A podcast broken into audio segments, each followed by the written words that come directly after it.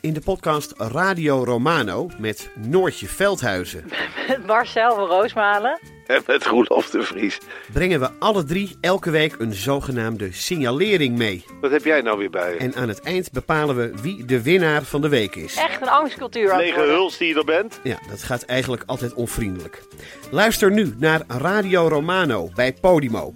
Via podimo.nl slash Radio Romano luister je 30 dagen gratis. We leven in een wereld vol problemen. Het milieu gaat kapot. Burgers radicaliseren aan de lopende band. Poetin is een dictator, Biden is dement, Trump is een crimineel. En de tuin van Huberto Tan schijnt een zootje te zijn. Dus dit is het moment voor twee comedians, Vera van Zelm en Sander van op Zeeland, om de wereld te veranderen. Alles moet anders. Alles moet anders.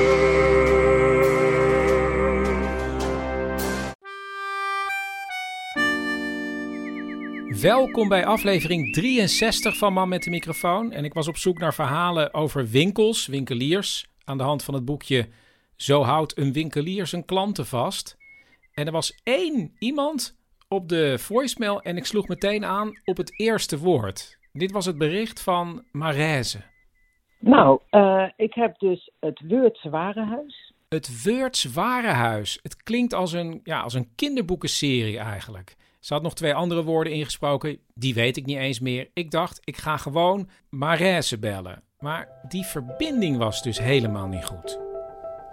Dat eh, hij ziek wordt bij de Hoogovens. Oh, je moet even beter met je telefoon. Je moet even naar het raam weer teruglopen of... Oké. Ja, nee, ik had het eh, mijn hand. Je zit in eh, de verkeerd. kelder. Oh, je had je hand ervoor. Ja, hand ervoor of de verbinding. Het, het ging eigenlijk voortdurend niet goed. Dus je moet echt met je... ja. je, zit, je doet iets met je telefoon, Marijse. Ik, heb hem, eh, ik heb hem gewoon vast, maar ik was dan gewoon een beetje een heet oor. Dus heb ik hem aan Ah. de andere kant. Ze kreeg een heet oor van het bellen en dus werd er voortdurend van kant gewisseld. Zo beter? Ja, nou, niet echt. Om, eh, je moet weer even- met je telefoon. Ik, wat is er met die telefoon aan de hand? Zet hem anders op de spe- speaker en dan anders als je je oor te warm is. Ja, zo, nu heb ik hem op de speaker. Ja, het is wel slechter geluid. Nu was het zo dat Marijse heel leuk was en haar verhaal heel bijzonder. En toen ontdekte ik opeens, al pratende, dat ze op 10 minuten fietsen woont. Nou, toen ben ik langs gegaan, ben ik bij haar gaan zitten en heb ik haar allereerst natuurlijk gevraagd: wat is het Weurts Warenhuis? Eh, dat is een winkel in eh Weurt. En Weurt ligt twee kilometer van eh, Nijmegen. En eh, je had in de 70 jaren had je warenhuizen. Die zijn echt helemaal verdwenen, wat nu Blokker is. En dan had je speelgoed, ijzerwaren, ehm, eh, porselein, bestek, eh, schrijfwaren. Dat was het, het warenhuis. En mijn moeder die kwam eigenlijk uit het ondernemersvak uit ehm, Zwolle. En had boekhouden gedaan, eh, echt, echt alle papieren voor de ondernemerschap. En mijn vader die had helemaal niks met ondernemen. Maar ehm, zij vonden het, ja, dat weten we niet precies, maar ze vonden het vooral eh, heel verstandig om naar Oost-Nederland te gaan. Dus in de buurt van de grens, omdat mijn vader uit Duitsland komt. Ik heb vanochtend nog even gegoogeld hoe het er nu uitziet. Maar eh, ja, een hele andere vorm heeft het nu. Nou, je had dus eh, stellages met die kopjes en, die, en dat speelgoed. En dan kon je achterdoor, dat was dan het, het boerendomein. Want eh, ja, het is het grens aan Maas en Waal. En dat was dan mijn vaders domein ook. Die was altijd in het magazijn en met die, die, die ijzerwaren afdeling, daar had hij gewoon verstand van. En hij ging toen ook nog eh, met een Renaultje 4, volgepakt met emmers, krammen, spijkers, hamers of wat men bestelde, ging hij de eh venten, zo heette dat. En soms gingen wij dus ook mee. Dat vonden we leuk. En wij, dat waren Marijse en haar jongere en oudere zus. En het warenhuis, ja, dat draaide dus eigenlijk vooral om haar moeder. Ik weet wel dat mijn moeder altijd iets om zich heen had van... Ha, dit is leuk. Echt, ze hield ervan. Dus inkopen, naar de beurzen mochten we altijd mee. Utrecht. En dan ging je langs al die stands. En dan zei ze, nee, nee, nee, daar gaan we niet inkopen. Niks ervan. Oh, dat verkoopt niet. Wissen. Ze had gewoon een neusje ervoor. En dan hingen wij dus ook bij die stands, waar dan zo'n vertegenwoordiger opneemt wat mevrouw Dekkers aan het bestellen was voor de zaak. En dat deed ze altijd heel gecalculeerd. Niet te veel, niet te weinig, weten dat je op een dorp zit, dat de klandizie uit het dorp komt. En het dorp ernaast, Beuningen. En that's it. Dus daarmee moet je het ook daarmee moet je doen, eh, je handel. Daar had ze gewoon goede, scherpe kijk op. En wat was jullie rol? Nou, onderaan de trap hoorde je dan helpen. En dan eh, moest je komen. Dan waren er gewoon te veel klanten. En dan, nou, net als wat nu ook, staan er drie in de rij. We roepen er een cashier bij. Eh, dat was bij ons ook zo. Als er gewoon eh, geholpen moest worden, dan stond ze onderaan de trap. Als ze thuis waren, dus niet op school zaten. En dan werd er geholpen. Met moederdag, met kerst, met Sinterklaas. We hebben nooit Sinterklaas gevierd. Was het een, een, een uur voor winkelsluiting, was het uh, pak nog even snel wat in. Dus ja, Sinterklaas, nou laat maar. We konden ook niet zomaar aan alle spullen komen, dat deden we ook niet. We konden er naar kijken, want van de speelgoedzaak ook, hè? de helft was speelgoed. En dan met Sinterklaas mochten we echt het lang verwachten, lang uh, gewenste pakken en inpakken. Dan pakten we onze eigen cadeautjes in, zetten we in een mand. En dan ging mijn vader inderdaad, ook zoals het in Nederland hoort, aankloppen. Sinterklaasachtig nadoen. Want mijn moeder kende dat niet en mijn vader kende dat niet. Je moeder kende dat ook niet? Nee, dat is gewoon een groot gezin uit Zwolle. Ze vertelde dan... Het was zo al hard werken genoeg. Ja, een sinaasappel kreeg je met Sinterklaas. En voor de rest kenden ze niet. Achter het Wurts Warenhuis zit een verhaal verborgen. Want zoals Marijs al vertelde, verhuisde ze niet voor niets naar de grens. En dat heeft alles te maken met de levensloop van haar vader. Uh, waar het begon. Ja, mijn vader wordt geboren uh, op een Duitse boerderij uh, in de buurt van Venlo, aan de Duitse kant. Het was een gemengd bedrijf met ook een dekstation voor paarden. Dus ze hadden tophengsten die merries uit de buurt dekten. En het was een grote boerenfamilie. Dat was een gezin met 16 kinderen, zeven meisjes en negen jongens. En opa was burgemeester van het dorp. En in 33, 34, wanneer de eerste jodenvervolging in Duitsland op gang komt, um, vluchtten ook de eerste Joden naar Nederland. En had je aan die grensstreek had je sympathisanten of mensen die dat gevoel hadden voor de andere mens helpen om over de grens te brengen. Dus Joden kwamen op de boerderij, bleven daar en werden dan geholpen over uh, de grens over te gaan naar Nederland. Door jouw opa? Ja. Dat gaat een paar jaar goed, maar in 1938 wordt de sluiproute ontdekt. Dan wordt opa gearresteerd, zit hij een half jaar vast. En het heeft niet alleen gevolgen voor de vader, maar ook voor zeven van zijn negen zoons. Ja, als represaille worden die meegenomen en onder de wapenen gezet. Dan breekt een jaar later de Tweede Wereldoorlog uit en belandt de vader van Marijze in 1941 als soldaat in Nederland. Dat is in Zwolle en uh, dat, daar hebben de Duitsers over nagedacht hoe ze een uh, vriendelijke, uh, vriendensvolle besatzungsmacht, zoiets, dat ging volgens een plan. Dus ze moesten vooral niet de boeman uithangen. En dat hij dan zo'n mooie jonge boeren, boerenkop heeft en voor zijn regiment brood haalt in de winkel met wie ze afspraken hebben waar ze het brood halen in Zwolle en dan toevallig dat meisje ziet staan, ja, dan slaat er uh, vlam in de pan. Twee jonge mensen die elkaar prachtig vinden. En zo is het gekomen, zo is het gegaan. En hij heeft ook nog een, een uh, kennis gemaakt met opa en oma, dus de ouders van mijn moeder. En die zeggen van, ja, dit is een goede jongen, dat zie je zo. En uh, ze staan dus ook toe dat ze dan schrijft met hem. Oké, okay, maar je vader was dus hoe lang was hij dan in Zwolle? Een paar maanden of Ja, zo? ik denk een paar maanden. Maar eh, wat weet je over wat, wat ze, ze, ze hebben elkaar ontmoet? Eh, ja, achter de toonbank stond zij. Ja, en ik weet dat hij uh, uh, thuis kwam bij, uh, bij zijn toekomstige schoonmoeder.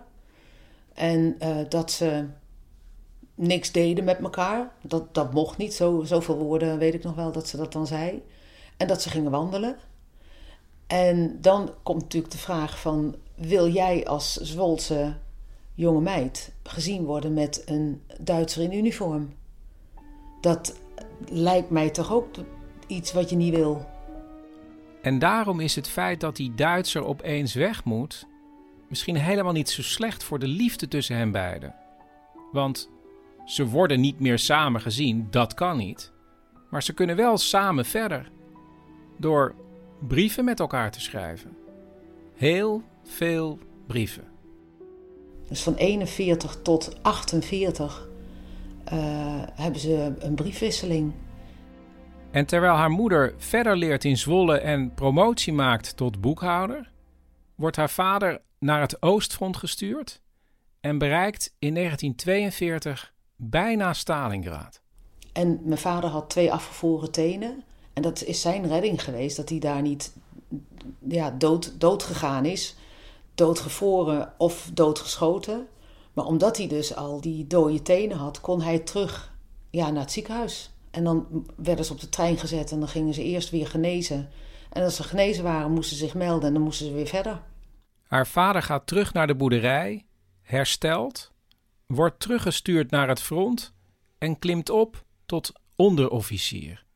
En dan moet hij in het najaar 44 is het Ardennenoffensief. Ja, dat is het najaar, want dan wordt het zuiden van Nederland ook al bevrijd.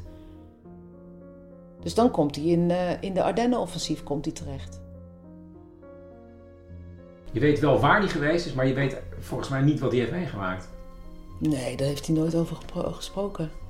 Hij heeft wel aangetipt van het was uh, schieten of geschoten worden. Dus dat, dat duidt aan dat je hebt moeten doden, dat je hebt moeten schieten. En dat is ook het enige wat hij daarover kon zeggen. En daar is het zo heftig geweest met de geallieerden die oprukken. En dan heb je Eupen Malmedy, dus dat is ten zuiden van Luik. Uh, en wij rijden daar nog wel eens uh, langs als we naar de Eifel gaan. Dus dan probeer ik me altijd voor te stellen hoe dat oorlogsgeweld daar geweest is. En daar schijnt hij tegen de soldaten gezegd te hebben: uh, redden wie zich redden kan. Dus dat betekent dat er ook geen instructies meer zijn en geen bevelen meer zijn. En dat is het signaal dat je ook niet deserteert, maar dat je kan gaan. En dat is, dat is gebeurd bij een gedeelte van zijn compagnie. Zijn broer, twee broers zijn op die manier wel vanuit Eupen langs de Rijn noordwaarts naar huis gegaan. En mijn vader die wordt gearresteerd.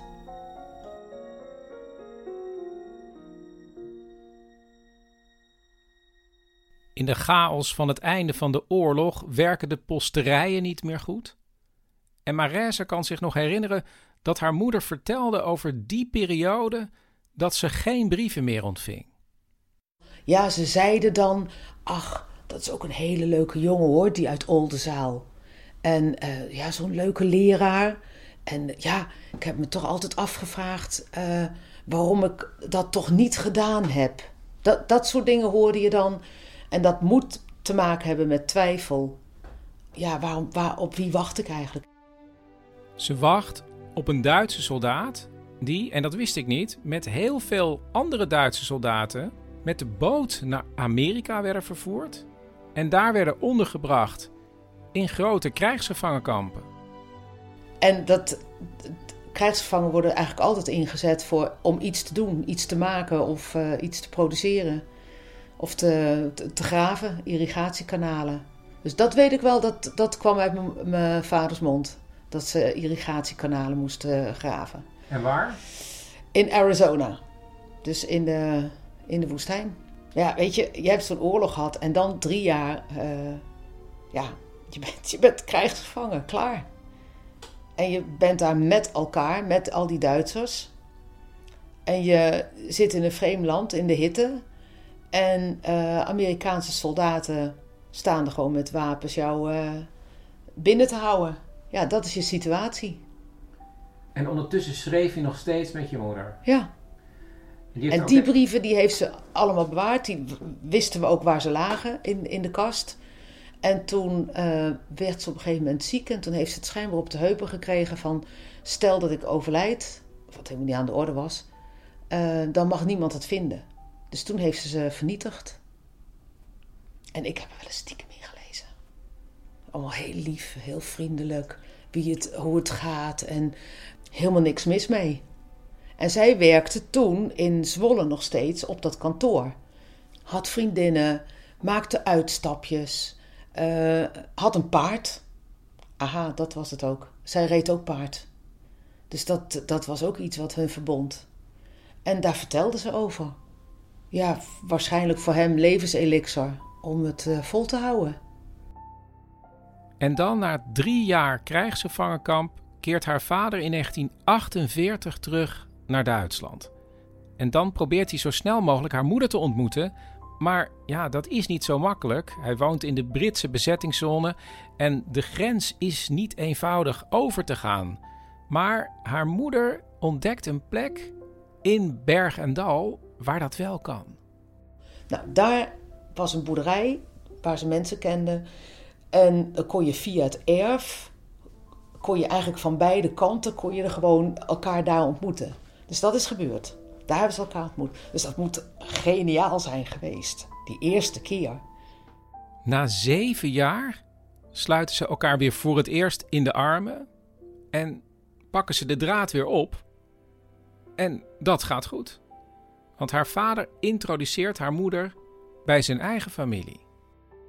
En zij vertelt dan dat ze op de boerderij komt voor het eerst.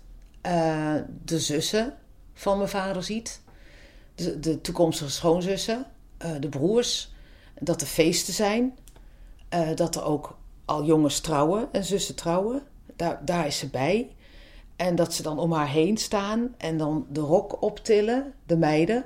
En die zeggen: Oh, uh, maar gucken, uh, wat voor een onderwäsche die had. Dus van, oh, even kijken hoor, wat voor een onderjurk ze aan heeft. Maar, je, dus, maar je moeder werd eigenlijk niet met open armen ontvangen in die Duitse familie? Dacht het niet. Dacht het niet. Dat komt ook omdat er eigenlijk al een trouwkandidaat voor haar vader was uitgekozen. Een meisje van een dorp verderop.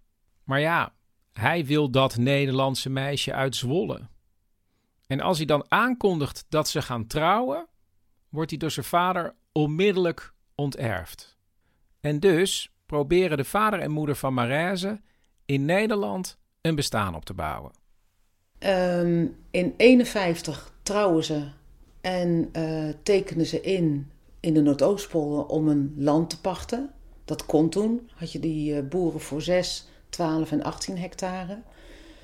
En aangezien die een boerenzoon was, laten we dat doen. In uh, vier verschillende dorpen in de Noordoostpolder uh, hebben ze dat geprobeerd. Je kon dus als boerenknecht dan beginnen. En ondertussen tekende je in en dan moest je gelood worden. Dat was een project van Rijkswaterstaat. Uh, nou, achter elkaar worden wij daar geboren in de Noordoostpolder. En dan is in 61 heb je Plan Mansholt. wordt heel Nederland verkaveld, zeg maar. Maar ook de mechanisatie zet door. Vanwege die verkaveling, grote percelen. En uh, het perspectief van alleen landarbeider zijn en niet ingelood worden. Dat zag mijn moeder niet zitten. Als handelsdametje met, met boekhouding en weet ik wat. Dus die dacht, wegwezen hier. Maar dat ging niet zomaar. Maar ze werden wel geholpen, want via de kerken werd er geronseld voor de, voor de hoogovens. En toen kregen we een situatie dat mijn vader in IJmuiden in de barakken uh, woonde, alleen. Ploegendiensten draaide. En wij bij oma in Zwolle op kamers woonden. Omdat er nergens huizen waren. Dat was in heel Nederland was het sowieso een probleem. En wanneer gaan wij dan naar Castricum? Als zij een woning vinden waar we kunnen inwonen. Dus we hebben in Castricum en in Bakkum op drie verschillende plaatsen ingewoond bij mensen in tuinhuisjes, op zoldertjes, met vader, moeder en drie kleine kinderen. En dan gaat het niet goed met mijn vader. Die wordt ziek, die wordt helemaal gelig en naar. En ik denk dat toen ja, het hele karretje stil kwam te staan van hoe moet dit verder? Hij kan in die staalfabriek, daar hoort hij sowieso niet thuis. Hoe moet dit? We moeten hier weg. Hoewel de ouders van Marijse er later maar sporadisch over gepraat hebben, speelt waarschijnlijk het oorlogstrauma van haar vader een rol. En is hij natuurlijk ook een Duitser na de Tweede Wereldoorlog in Nederland. Het enige wat, wat wij weten is dat mijn moeder altijd uh, fel kon reageren als iemand zei: Oh ja, die Duitser of die Duitsers. Dus dat is een uitdrukking van, van die druk die ze altijd ervaren heeft. Dat ze met een Duitser gegaan is. Maar goed, ze heeft nooit geklaagd dat ze had ik het maar niet gedaan of zo. Het enige wat ze steeds zei van als je met een buitenlander gaat en wilt trouwen, ga altijd naar zijn land. Dat was, ze zei dan niet, had ik zelf dat maar gedaan. Maar dat drukt ook wel weer iets uit dat het niet makkelijk is geweest. Hij had niet dat Bernard-accent. Van uh, gaan we eventjes zo uh, de volgende keer gaan we even kijken. Nee, dat had hij helemaal niet. Um, maar wel een hele mooie, uh, zo'n beetje scherpe, scha scherpe. Hè, dat, dat, je, kon het, je kon het horen als je wilde. En als je het in die tijd aan zijn omgeving had gevraagd, hadden ze denk ik gezegd: ja, dat hoor je meteen. Een lichtpuntje in de tijd dat het niet goed gaat met Marijse's vader, is dat het contact met zijn Duitse familie wordt hersteld en de onterving wordt teruggedraaid. Waarschijnlijk zagen ze dat de keus voor die Zwolse Nederlandse helemaal zo gek nog niet was. Vanaf dan gaan wij ook uh, elke zomer, één of twee weken, logeren we op de boerderij. En daar hebben we natuurlijk prachtige herinneringen van uh, grote boerderij, gemengd bedrijf met alles erop en eraan. Paarden, varkens, ganzen, uh, zulke potten honing. Oma die zelf kon imkeren. Alle fruitsoorten. Uh, een rivier, uh, de Niers, loopt achter de boerderij. Daar mochten we met plastic schoentjes aan, mochten we erin. Dus het waren droomvakanties als we dan naar de Duitse boerderij gingen. Het is waarschijnlijk Marijse's moeder die besluit dat het gezin vanuit het westen van het land zo dicht mogelijk bij de Duitse grens moet gaan wonen. Want dan valt het accent van de vader niet zo op en wonen ze ook nog dichter bij zijn familie. En met de moed der wanhoop is zij, uh, oh ja, via een sigarenboer in Castricum die zegt van, goh, heeft u dat al gezien? Want schijnbaar was ze dus daar ook al aan het babbelen. En die zegt van, daar staat een advertentie voor een leuke middenstandszaak in Weurt, vlak bij de Duitse grens. En dan duurt het niet lang meer voordat de ouders van Marijze hun plannen voor het Weurts warenhuis bedenken en hun spullen pakken. Uh, ik weet wel dat mijn moeder zei, toen we naast de verhuiswagen stonden en naar Weurt uh, verhuisden, toen zei ze, uh, weet je, um, van nu af aan heet je Maria niet meer Marijse. En toen heb ik gezegd: nee, dat wil ik niet. Niet meer dat opvallende Marijse, maar het gewone Maria. Haar ouders hadden de wens om zo geruisloos mogelijk te assimileren in hun nieuwe dorp. En dat is ze perfect gelukt. Ze zat bij de uh, katholieke vrouwenvereniging. Wij zaten op het koor. Uh, ze had goed contact met, uh, met de pastoor en de pater. Mijn vader collecteerde in de kerk, dus alle openbare functies zijn belegd.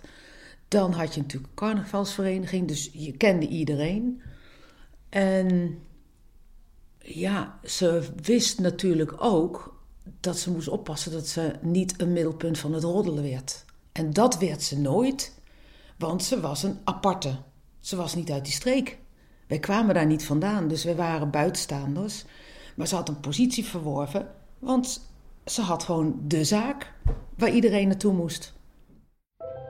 Voor altijd buitenstaanders, maar bovenal een hecht gezin. Uh, wij waren natuurlijk zijn Dreimedelhaus. Wij waren gewoon zijn mooie meisjes. Wij werden omgeven door liefde. Die, man hield zoveel van ons. Het was zo fantastisch. Wat wil je nog meer? Moeder ook hoor. De zaak begon heel klein in 1962, maar wegens het succes konden ze na een paar jaar een nieuwe winkel laten bouwen. En die kwam, gek genoeg, op Laan 1945.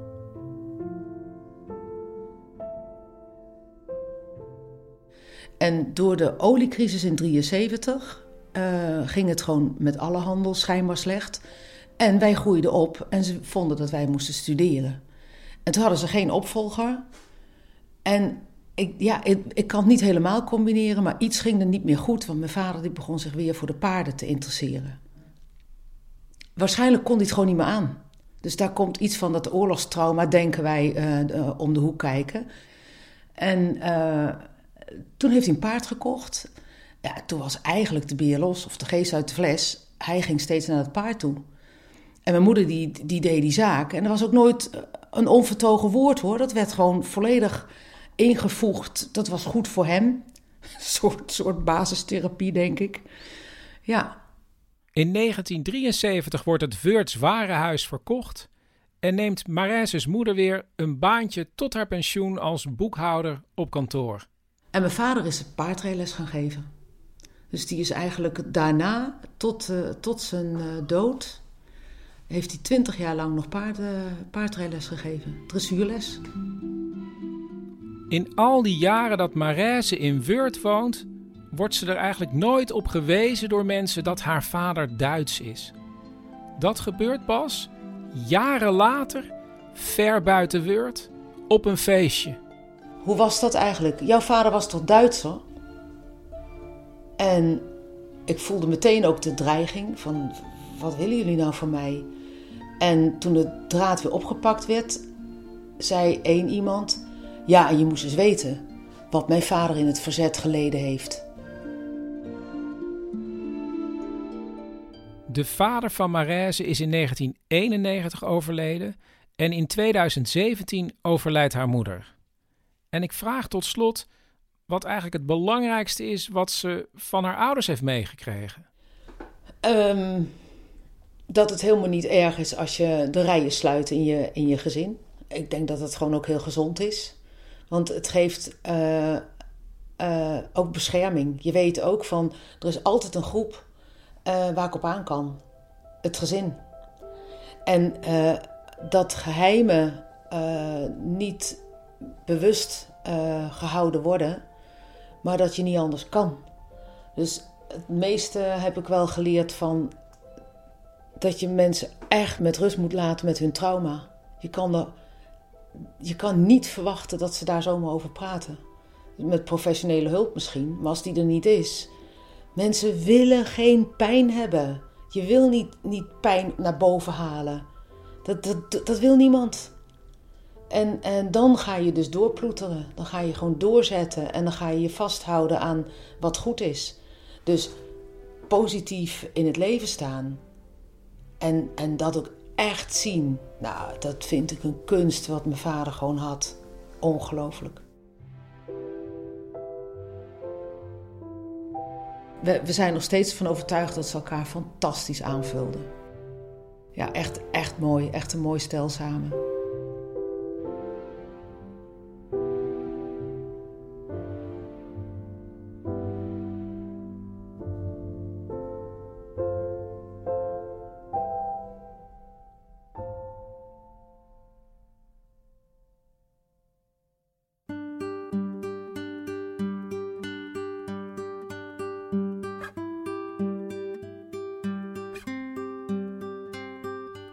Dit was aflevering 63 van Man met de Microfoon. Man met de Microfoon wordt mede mogelijk gemaakt door Theater de Kleine Comedie in Amsterdam. Gun jezelf een voorstelling. Kijk op dekleinecomedie.nl.